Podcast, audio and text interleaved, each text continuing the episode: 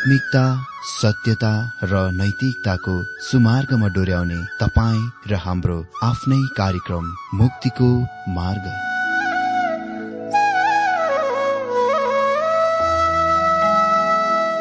आदरणीय श्रोता यस मुक्तिको मार्ग कार्यक्रममा हार्दिक स्वागत छ आशा छ यस आत्मिक कार्यक्रमद्वारा जीवनमा आत्मिक आशिष अलौकिक शान्ति र आनन्द प्राप्त गर्नुहुनेछ। र जीवनमा धन्य अनुभव गर्नुहुनेछ। आउनुहोस् श्रोता मन र आत्माको तयारीको लागि यो मिठो अनि मधुर भजन गीत सुनौ।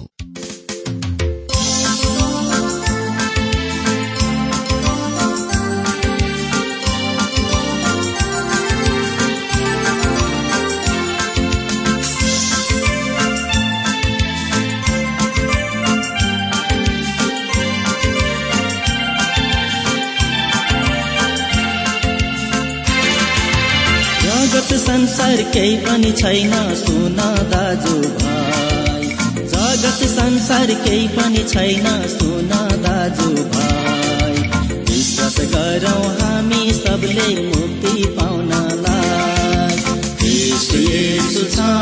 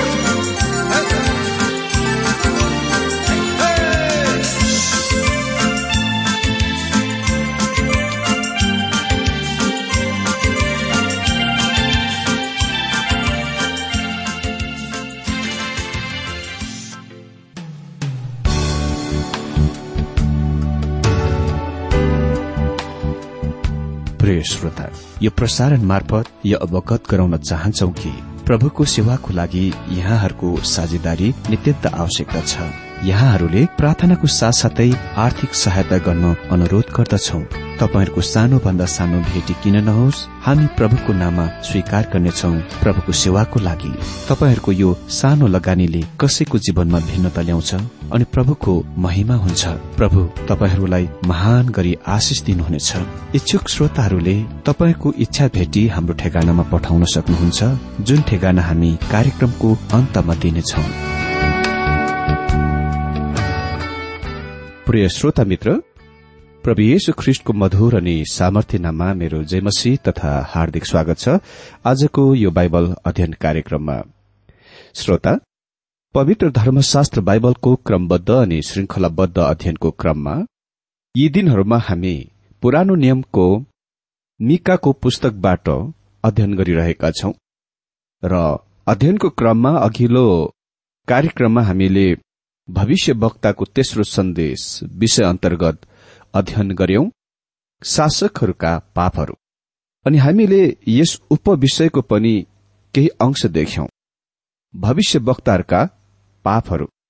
अनि आज हामी यही विषयलाई निरन्तर जारी राख्दै बाँकी तीन अध्यायबाट बाइबल अध्ययन गर्नेछौ। एकपल्ट म मिका तीन अध्याय पाँच पद पढिदिन्छु। यहाँ यस प्रकार लेखिएको छ। तीन अध्यायको पाँच पद परम प्रभु यसो भन्नुहुन्छ मेरो प्रजालाई कुमार्गमा हिँड्न लाउने अगमवक्ताहरू चाहिँ कसैले तिनीहरूलाई खान दिँदा तिनीहरू शान्तिको घोषणा गर्छन्। यदि त्यसले खान दिएन भने त्यसको विरूद्धमा लडाई गर्न तिनीहरू तयार गर्छन्। मित्र यहाँ मिका झुट्टा भविष्य वक्ताहरूको बारेमा कुरा गरिरहेका छन्। भविष्य वक्ताहरूले मीठा घिउ दलेका मखन दलेका वचनहरू मानिसहरूलाई दिइरहेका थिए। यो निश्चय दिलाउँदै कि तिनीहरू कहाँ शान्ति आउन गइरहेको छ आइरहेको छ। हरेक कुरा ठिकठाक हुन गइरहेको छ र ठिक तरिकामा चल्नेछ। तिनीहरू परमेश्वरबाट सन्देश बोलिरहेका थिएनन्। तिनीहरू खालि मानिसहरूलाई खुशी तुल्याउन प्रसन्न पार्न र सान्त्वना दिन तिनीहरूका इच्छा अनुसारका वचन दिइरहेका थिए। अनि मानिसहरू कति पनि पापको बारेमा निन्दनीय वचन अनन्त मृत्युको बारेमा नर्कको बारेमा प्रचार गरेको चाहँदैनन्। तिनीहरू सधैँ असल मिठो मिठो कुरा मात्र सुन्न चाहन्छन्। अनि ती झुट्टा भविष्य वक्ताहरूले तिनीहरूलाई खुशी पार्न शान्तिको बारेमा र कुशलताको बारेमा आराम आनन्दको बारेमा भविष्यवाणी गरिरहेका थिए। तर यथार्थमा उत्तरबाट असुरीहरू तिनीहरूको विरूद्धमा झरी आउन तयारी गरिरहेका थिए। अहिले तिनीहरू तिनीहरूका यस प्रकारका भविष्य बाणी दिएकोले गर्दा परमेश्वरले तिनीहरूमाथि संकष्टको घोषणा गर्नुहुन्छ जुन आइरहेको थियो। छ पदमा लेखिएको छ यसकारण तिमीहरूमाथि दर्शन हितको रात आइपर्नेछ। यसकारण तिमीहरूमाथि दर्शन र हितको रात आइपर्नेछ। अन्धकार हुनेछ तर तिमीहरूले जोखना हेर्न पाउने छैनौ। अगमवक्ताहरूका निम्ति सूर्य अस्ताउनेछ र दिन चाहिँ तिनीहरूका निम्ति अन्ध्यारो हुनेछ। तिमीहरूको लागि रात हुनेछ अन्धकार हुनेछ वा रात आइपर्नेछ। हामी भविष्य वक्ताहरूका अन्य पुस्तकहरूमा देख्छौ। अन्धकारले सधैँ दण्डको बारेमा बताउँछ। यसले दण्डको दुई भिन्न भिन्नै तरिकामा बताउँछ। पाप र अपराध गर्नेमाथि दण्डमा परमेश्वरको सिधै हस्तक्षेप अनि साथै मानिसलाई कुनै नयाँ प्रकाश नदिने कुरामा परमेश्वरको मौनतामा परमेश्वरको हस्तक्षेप यहाँ लेखिएको छ। र तिमीहरूले दर्शन देख्ने छैनौ यसको मतलब परमेश्वरले तपाईँलाई कुनै सत्यताको प्रकट गरिदिनुहुने छैन। अनि अर्को कुरा तिमीहरूलाई अध्यारोले छोप्नेछ तिनीहरू कहाँ आइरहेको दण्डलाई अन्ध्यारो भनिएको छ यहाँ। त्यहाँ परमेश्वरको वचनबाट कुनै ज्योति हुने छैन। त्यहाँ भविष्यवाणी गर्ने कामको लागि समाप्ति हुनेछ अन्त हुनेछ। नयाँ नियममा प्रेत पाउले यसको पहिलो कोरन्थी तेह्र अध्यायको आठ पदमा उल्लेख गरे संकेत गरे प्रेम कहिले टल्दैन तर चाहे भविष्यवाणी हुन् ती बितेर जानेछन्। भविष्यवाणी दुई भिन्न भिन्न तरिकामा बितेर जानेछ। पहिलो तिनीहरू पूरा हुनेछन् र दोस्रो परमेश्वरले कति पनि नयाँ कुरा प्रकट गर्नुहुने छैन। पुरानो नियम र नयाँ नियम बीच अवधिमा करिब चार सय वर्ष मौनताको समय थियो जुनमा परमेश्वर मौन रहनुभयो चुप रहनुभयो। सूर्य अस्ताएको थियो। अन्तिम भविष्यवक्ता मलाकीले भविष्यवाणी गरे कि सूर्य फेरि उदय हुनेछ। मलाकी चार अध्ययको दुई पदमा भनिएको छ तर मेरो नौको भय मान्यहरूमाथि चाहिँ धर्मको सूर्य आफ्ना पखेटामा चङ्गाई लिएर उदय हुनेछ। मलाकीले सूर्य उदयको बारेमा भविष्यवाणी गर्ने थिएनन्।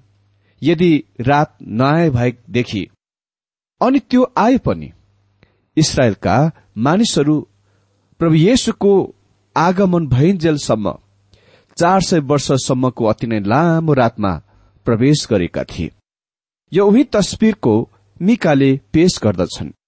एकजना पश्चिमेली मुलुकको प्रचारकले यसै प्रसंगमा आफ्नो मुलुक अमेरिकाको बारेमा बोलिरहेका थिए कि हामी पनि उही स्थानमा स्थितितिर छौं जस्तो कि मिकाको दिनमा इसरायलहरू प्रवेश गरेथे।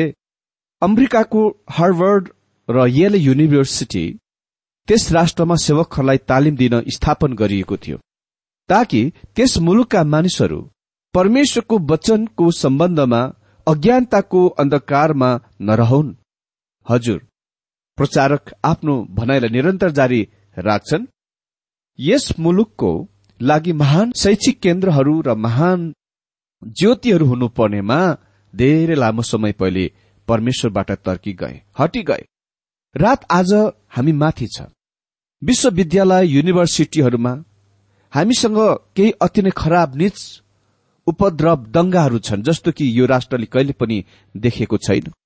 तिनीहरू अन्धकारका आसन स्थान भएको छ यो युनिभर्सिटीमा नै शैतान आराधना पूजा शुरू भएको थियो। अनि त्यहाँ नै यसको विस्तृत गरिएको थियो प्रचलित गरिएको थियो प्रचार गरिएको थियो। आज यहाँ अति नै धेरै शैतान चर्चहरू छन् र धेरै मानिसहरू यसको पूजा आराधना गर्छन्। हामी यस्तो अवधिमा छौं मलाई यस्तो देखाइ पर्दछ प्रकाशको सूर्य ज्योतिको सूर्य अस्ताएको छ। जब म प्रकाशको बारेमा बोल्छु म परमेश्वरको वचनको प्रकाशको बारेमा बोलिरहेको हुन्छु। परमेश्वरको वचनको ज्योति दिइरहनु पर्ने खास केन्द्रहरू आज कति पनि दिइरहेका छैनन् वास्तवमा भन्नु नै पर्दा तिनीहरूले इन्कार गरिरहेका छन् अस्वीकार गरिरहेका छन् र आफ्नो पीठ परमेश्वरतिर फर्काइरहेका छन्। र अन्य शैतान पूजा जादु टोना मुनातिर लागेका छन्। यो नै मिका बोलिरहेका छन् जब उसले भन्छ छ पदमा यसकारण तिमीहरूमाथि दर्शन रहितको रात आइपर्नेछ अन्धकार हुनेछ तर तिमीहरूले जोखा हेर्न पाउने छैनौ। अगमवक्ताहरूको निम्ति सूर्य अस्ताउनेछ र दिन चाहिँ तिनीहरूका निम्ति अन्ध्यारो हुनेछ। अनि सात पदमा लेखिएको छ दर्शन देख्नेहरू लज्जित हुनेछन् र जोखना हेर्नेहरू लाजमा पर्नेछन्।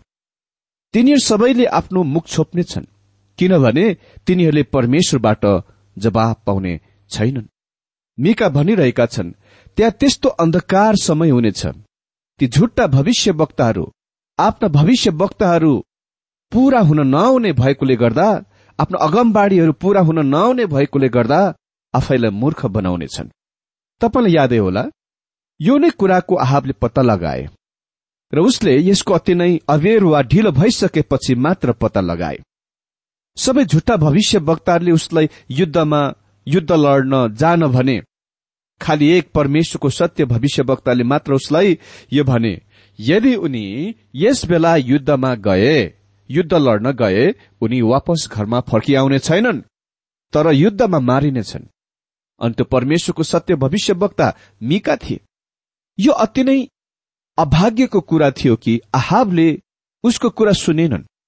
किनभने उनी झुट्टा भविष्य वक्ताहरूका कुरा सुनेर युद्धमा गए र युद्धमा मारिए जस्तो मिकाले भविष्यवाणी गरेथे। यो हामी पहिलो राजा बाइस सदेखिको एकदेखि अठाइस पदमा पत्ता लगाउँछौ। परमेश्वरको सत्यजन सेवकहरूले जहिले पनि सत्य वचन बोल्दछन्। जुन परमेश्वरले तिनीहरूलाई भन्न लगाउनुहुन्छ जुन परमेश्वरको वचनमा छ। मित्र मण्डलीमा पापहरूको छोपचाप गर्ने कोसिस निरर्थक हो अनर्थक हो। परमेश्वरको सेवकहरूले मण्डलीमा पापहरूको निन्दा गर्नुपर्छ जस्तो कि बाइबल परमेश्वरको वचनले निन्दा गर्दछ। अनि हामीले यो कुराको पनि याद गर्नुपर्छ कि उहाँले सधैँ पापहरूको घृणा गर्नुहुन्छ। उहाँ यसको इन्साफ गर्नुहुन्छ। यो सुन्नमा तितो लाग्ला तर यो नै वास्तविकता हो। अनि यो वास्तविकताको परमेश्वरको सेवकले सधैँ प्रकट गर्दछ। मिकाको दिनमा झुटा भविष्य वक्ताहरू मानिसहरूलाई खुसी पार्न सधैँ सान्त्वनादायक वचनहरू दिइरहेका थिए। उसका दिनमा मानिससँग चिलाउने कानहरू थिए र यी झुट्टा भविष्य वक्ताहरूले कन्याइदिन्थे मतलब उनीहरूले त्यही कुराहरू प्रचार गरिरहेका थिए जुन तिनीहरू सुन्न चाहन्थे। अनि धेरै मानिस सधैँ यस्तै मिठो घिउ दलेका वचनहरू मात्र सुन्न चाहन्छन्। तिनीहरू कति पनि निन्दनीय पापको र दण्डको र नर्कको बारेमा सुन्न चाहँदैनन्। मित्र जब तपाईँ घिउ दलेका मिठा सान्त्वनादायक वचनहरू प्रचार गर्नुहुन्छ तपाईँ सहजै जनप्रिय प्रचारक बन्नुहुन्छ। तिनीहरू तपाईँको बढाइ चढाइ गर्छन् प्रशंसा गर्छन् भन्छन् वा कि तपाईँ कति असल र अद्भुत प्रचारक हुनुहुन्छ। अनि मित्र आज यस्ता धेरै प्रचारकहरू सेवकहरू हाम्रा माझमा छन्। तर मित्र यो अति नै दयनीय कुरा हो त्यस्ता सेवकहरू हुने कुरा। यो एक प्रकारले डाक्टरले टीबीको बिमारमा साधारण रुगा खोकीको दबाई दिए जस्तै हो। मित्र यहाँ मिका भनिरहेका छन् कि त्यहाँ अति नै धेरै अन्धकार हुनेछ जसले गर्दा ती झुट्टा भविष्य वक्ताहरू आफूले बोलेका झुट्टा वचनहरू पूरा हुन नसकेकोले गर्दा मूर्ख बन्नेछन्। तिनीहरूका भविष्यवाणी कहिले पनि पूरा हुने छैन। जुनले गर्दा तिनीहरू लाजमा पर्नेछन् बेइजेत हुनेछन्। अहिले यो कुराको ध्यान दिनुहोस् त्यस झुट्टा भविष्य वक्ताका झुण्डबाट आफैलाई अलगै गर्ने काममा अति नै होसियार छन्। आठ पदमा लेखिएको छ यहाँ। तर म त याकुबलाई तिनको अपराध र इसरायललाई तिनको पाप जनाइदिनलाई परम प्रभुको आत्माद्वारा शक्ति न्याय र पराक्रमले पूर्ण छु। मिका भन्छन् मेरो कुरा सुन। मेरो अगमबाडी सुन। म परमेश्वरको सत्य भविष्य वक्ता हुँ। र तिनीहरूलाई भन्ने परमेश्वरबाट मसँग केही कुरा छ। त्यसपछि हामी निम्न पदहरूमा देख्छौ यरुसलेमका शासकहरूका अगुवाहरूको पापहरू। यस अन्तिम विभाजन खण्डमा मिका विशेष गरेर यरुसलेमतिर फर्किन्छन्। यो भन्दा पहिले मिका उत्तर राज्य इसरायलको बारेमा बात गरिरहेका थिए तर अहिले उसले दक्षिणी राज्य यहुदाको भविष्य वक्तालाई शासकहरूलाई र पुजारीहरूलाई एकट्ठामा एकसाथमा गाँठो बाँध्छन् र तिनीहरू सबैमाथि दण्डको घोषणा गर्दछन्। निम्न पदहरूमा हामी देख्छौ। उसले तिनीहरूका पापहरूका विवरण सहित बताइदिन्छन्। नौदेखि एघार पदमा लेखिएको छ हे याकुबका घरनाका अगुवाहरू र इसरायलका घरनाका शासकहरू हो यो सुन। तिमीहरू जसले न्यायलाई घृणा गर्दछौ र सबै ठिक कुरालाई बङ्ग्याउँदछौ जसले रगत बगाई सियोनलाई र दुष्टताद्वारा यरुसलेमलाई निर्माण गर्दछौ त्यसका अगुवाहरू घुस खाएर न्याय गर्दछन्। त्यसका पुजारीहरू ज्याला लिएर सिकाउँदछन्। त्यसका अगमवक्ताहरू पैसाको लागि अगमबाडी कहँदछन् तापनि तिनीहरू परमेश्वरको आड लिएर भन्छन् के परमप्रभु हाम्रा बीचमा हुनुहुन्न र हामीमाथि कुनै खराबी आइपर्ने छैन? त्यस्ता प्रधान वा शासक घुस खाएर न्याय गर्दछन्। त्यसका पुजारीहरू ज्याला लिएर व्यवस्था सिकाउँदछन्। र त्यसका अगमवक्ताहरू पैसाको लागि अगमबाडी कहँदछन्। मित्र कुन त्यस्तो कुरा यहाँ तपाईँ देख्नुहुन्छ जुन यी तीनै वर्गका अगुवाहरूको जीवनमा समान रूपमा प्राथमिक कुरा बनेको छ? त्यो हो लोभ। लोभ लालच। पैसाको लोभ लालच। मित्र यो हामी विश्वासी जगतमा सबभन्दा घटिया प्रकारको मूर्ति पूजा हो। अन्य जातिहरूको बीचमा ढुङ्गाको काठको वा माटोको प्रतिमालाई मूर्ति भनिन्दछ। तर विश्वासीहरूको बीचमा प्रभुलाई भन्दा धेरै माया गर्ने र धेरै प्राथमिकता दिने कुनै पनि कुराहरू सबै प्रतिमा मूर्ति हुन्। अनि निज प्रकारको मूर्ति विश्वासीको लागि लोभ लालच हो। अनि यो कुरा मिकाको दिनमा इसरायलमा पनि सत्य थियो। प्रधानहरू न्यायकर्ताहरू घुस खाएर न्याय गर्दछन्। पुजारीहरू ज्याला लिएर व्यवस्था सिकाउँछन्। भविष्य वक्ताहरू पैसाको लागि अगमबाडी कहँदछन्। तिनीहरूले यो सबै काम स्वार्थको लागि पैसाको लागि गरिरहेका थिए न कि परमेश्वरबाट पाएको सेवा र उत्तरदायित्व सम्झेर। तिनीहरूले परमेश्वरको सेवा र मानिसहरूलाई सेवालाई महत्व दिएनन्।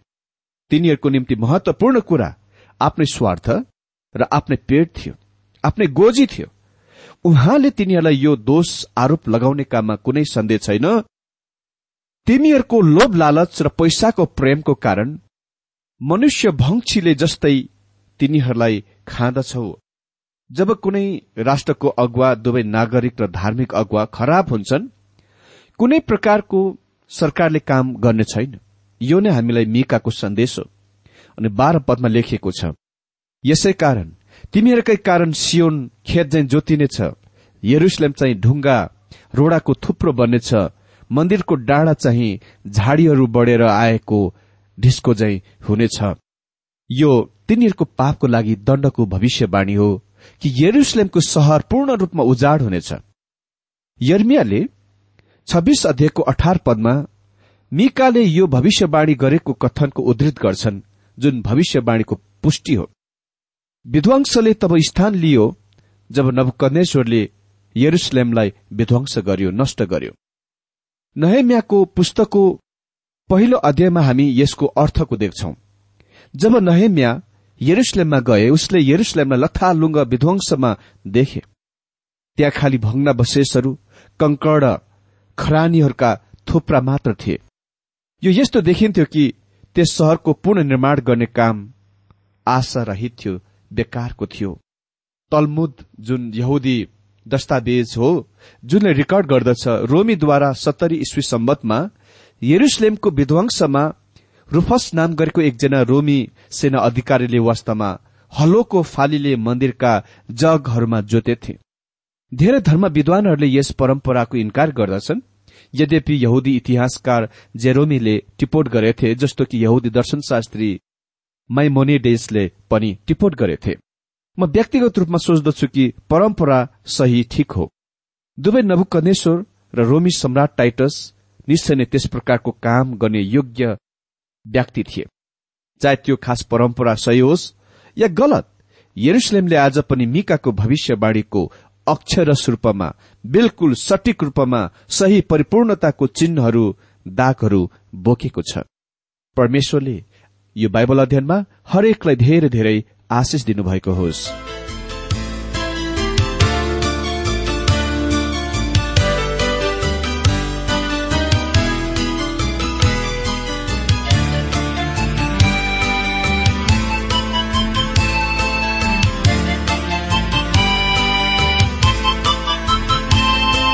मिठो सपना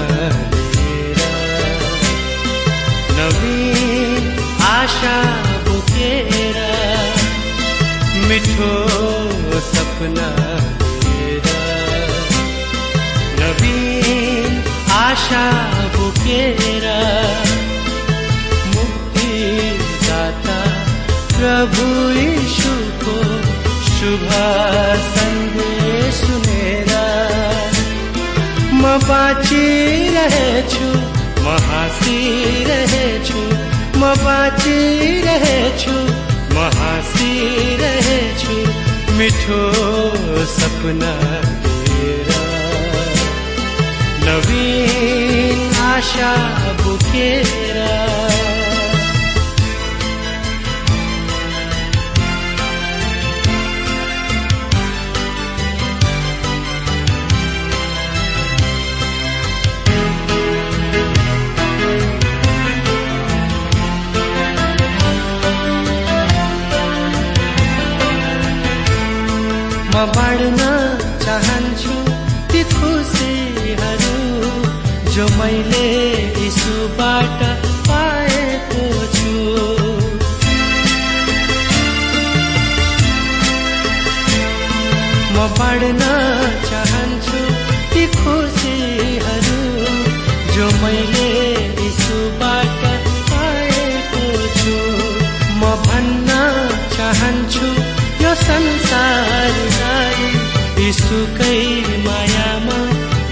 बाँचेको छु मिठो सपना लिएर।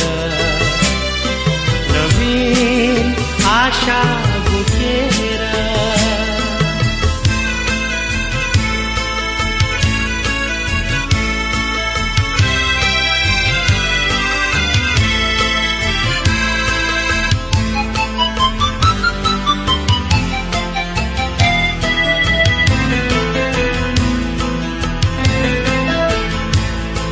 देखाउन सकुमा। तिम्रो रूपलाई प्रतिबिम्ब बनाई माफैलाई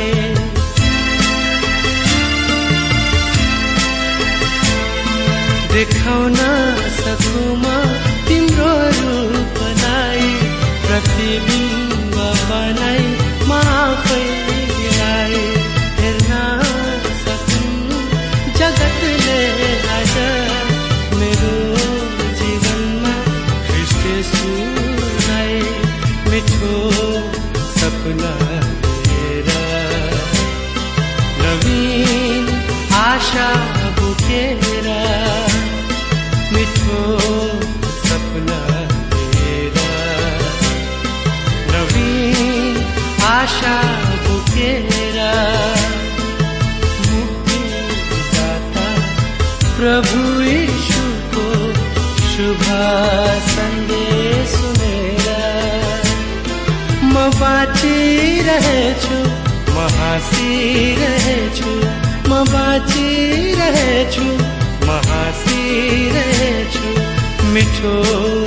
सपना लिएर नवीन आशा बोकेर मिठो सपना लिएर